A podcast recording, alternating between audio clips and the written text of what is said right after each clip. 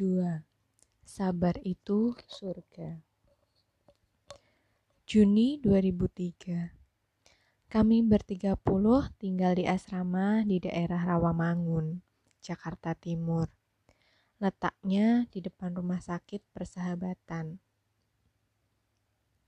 Di seberang jalan ada ruko yang berjejer menjajakan makanan, ada sungai kecil berjembatan. Di belakang jembatan itu terdapat jalur mikrolet dan masuk ke dalam gang. Pemandangan jalan yang sibuk tak bisa lagi kami nikmati. Pagar dan tembok tinggi menghalangi aktivitas di luar sana. Hanya pohon di rumah depan yang dapat kami nikmati. Pohonnya lebat besar dan tinggi dengan buah mangga yang menjuntai. Nama pemiliknya aku lupa. Dia teman penjaga asrama Melda. Melda anak Manado. Sebenarnya pemilik rumah itu hanya dimanfaatkan saja oleh Melda. Gadis itu masih perawan meski umurnya sudah 40 tahun. Lagaknya masih seperti bocah. Dia mengidap penyakit. Setauku agak idiot dia sering main ke asrama kami. Tentu saja hanya bercakap-cakap dengan Melda dan Upik. Pentolan geng di asrama kami. Lambat laun, asrama kami semakin banyak yang datang. Ada sekitar 50 orang. Ini bukan PT yang besar. Ini rumah yang dijadikan asrama dan bos agensi kami yang sudah kuceritakan di awal cerita hanya menitipkan dokumen-dokumen kami pada PT El Karim Pusat. Nama PT yang tidak asing, terkenal dan besar. PT El Karim yang menerima penitipan dokumen dari PJTKI lain. Setiap hari kami bangun pukul 05.00. Melaksanakan sholat subuh lalu senam pagi, dan beberes asrama dengan sistem rolling. Ada yang bertugas masak atau ke pasar, dengan pembagian rata menyeluruh. Semenjak ada anak yang kabur dari asrama, permintaan izin keluar diperketat. Harus dikawal oleh salah satu penjaga asrama, kecuali kalau mau menyogok. Maka dengan mulus izin didapatkan selicin kulit monop Monopterus albus atau belut. Tempat yang seri, paling sering kukunjungi ketika weekend adalah Matahari, Tip Top, dan pasar di Jatinegara. Pasar yang dekat dengan stasiun Jatinegara. Kebanyakan kegiatanku mengantar teman-teman berbelanja barang kebutuhan sehari-hari, ada yang berbelanja baju juga. Bagiku ada ongkos untuk naik angkot saja sudah senang. Aku paling suka melihat-lihat pasar buku bekas. Berbagai macam buku, komik, novel, buku pelajaran, menyita perhatianku berlama-lama. Kalau temanku sudah jengkel, mereka akan meminta janjian untuk bertemu di depan gerbang pasar. Dengan anggukan setuju, mereka meninggalkanku. Hanya melihat buku-buku tersebut, rasanya hatiku sudah cukup menjelajah. Ada kepuasan tersendiri, ada hati yang berbuai ria. Lembaran yang berserak Bentuk yang telah usah itu tak kuhiraukan dengan cukup memandang. Bahagia kurasakan. Buku-buku yang penuh ilmu terlonggok seperti manusia tunawicara. Bukalah perlembar di dalamnya, maka ia akan berbicara penuh makna. Hei, namamu novel, bukan? Tanyaku sok tahu. Aku tak pernah cukup uang untuk membelimu. Suatu saat nanti aku berjanji, kau akan ada dalam genggaman tanganku. Satu persatu, teman-temanku mulai turun visa. Tiga atau seminggu lagi, mereka terbang ke Hong Kong. Mereka di training lebih keras dan giat lagi. Tidak ada yang boleh membantu mereka piket. Yang akan berangkat biasanya harus membersihkan asrama sendirian. Trainer kami dulu pernah jadi TKW juga tapi tidak sukses. Lalu dia disuruh bekerja mengajari kami. Ada juga ibu asrama, tapi entah kenapa ibu asrama di tempat kami selalu tidak betah.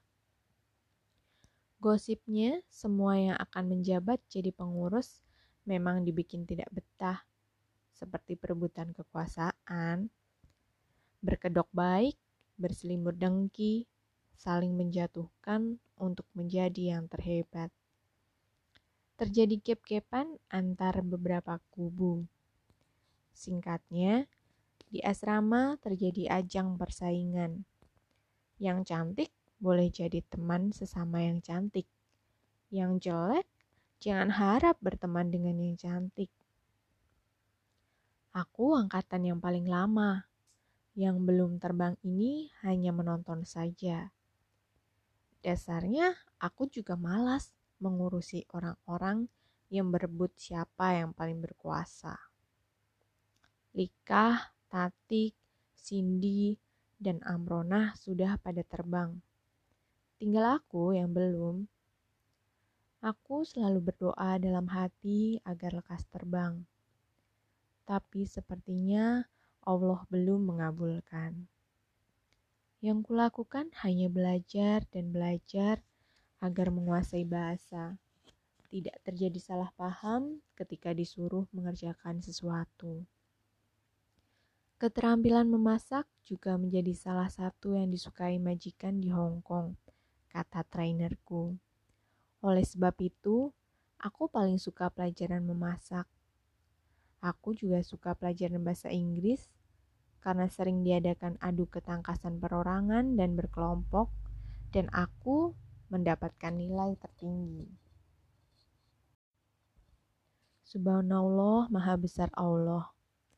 Pada bulan ketujuh, tepatnya di bulan November 2003, visaku turun. Akhirnya penantianku tersambut. Impian masa depan sebentar lagi dalam pijakan. Dokumen dan surat-surat penting semua dipalsukan karena umurku belum genap 17 tahun. Selain itu, aku tidak memiliki kakak sebagai syarat mutlak. Namaku saja berubah menjadi Ni Pengah Devanti. Aku harus mengaku berasal dari Jawa Barat, bukan Jawa Tengah. Pihak kantor agen mewanti-wanti agar aku menghafal identitas baruku. Angin malam mendesis menggoyang-goyang tanaman di halaman asrama, membuat rantingnya saling bergesekan. Mengingatkan aku akan keadaan rumah, aku rindu ibu. Hari Sabtu dan Minggu adalah hari yang selalu kutunggu. Hari Sabtu, kami boleh menelpon ke rumah.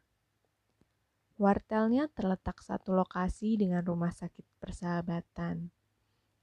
Aku ingin memberitahu ibu bahwa aku akan terbang ke Hong Kong. Sayangnya, ibu tidak bisa datang ke Jakarta. Itu tak mengapa, asalkan ibu kirimkan sebuah doa saja, itu sudah cukup bagiku. Hari Minggu juga menjadi hari besuk keluarga. Aku pikir hanya orang desa saja yang pergi merantau ke negara orang. Ternyata Anti temanku anak Cikarang mendaftarkan dirinya menjadi calon TKW seperti kami. Rumahnya mewah sekali.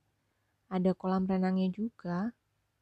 Aku pernah diajak ke sana waktu dia diizinkan pulang setelah menyungkuk Melda dengan makanan. Kamu kan kaya, Kak Anti. Kenapa mau jadi TKW? Tanyaku di saat kami di dalam bus menuju Cikarang. Mengapa orang bisa saja yang boleh jadi TKW? Tidak juga sih, Kak. Aku menggeleng.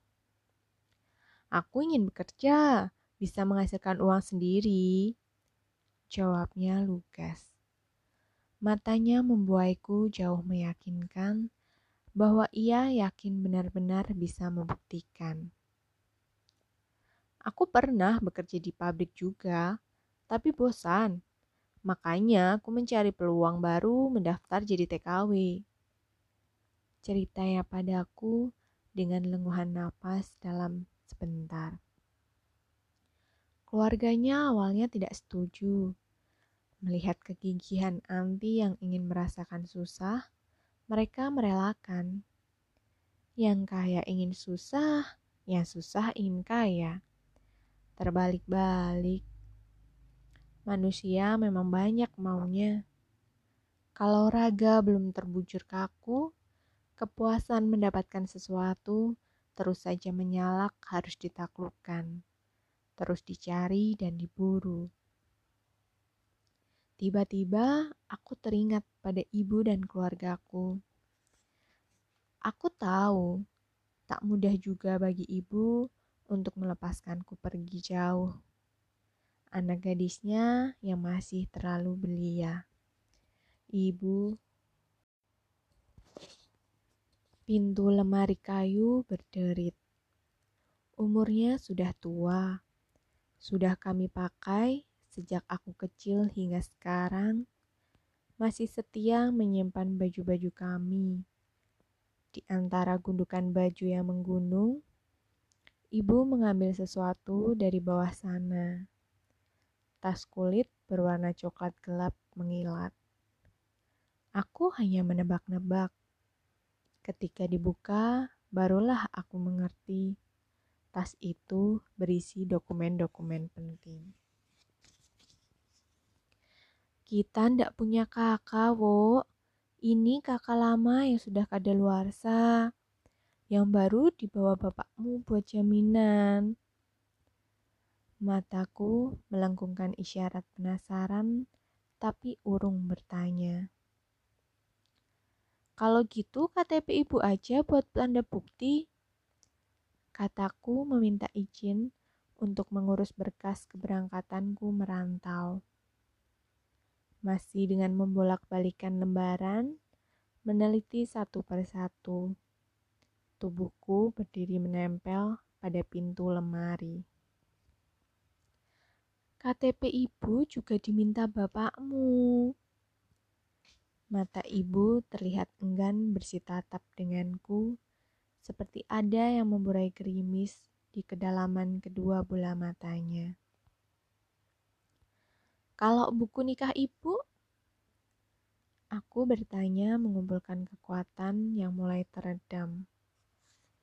Menyelipkan sedikit jabaran kecewa dalam dada. Ibu menggeleng, parut di sekitar matanya mengulum ratapan yang mengiris. Hanyut dalam lengang yang panjang. Menggeser tubuhnya, menoleh ke arahku memegang kuat-kuat pergelangan tanganku.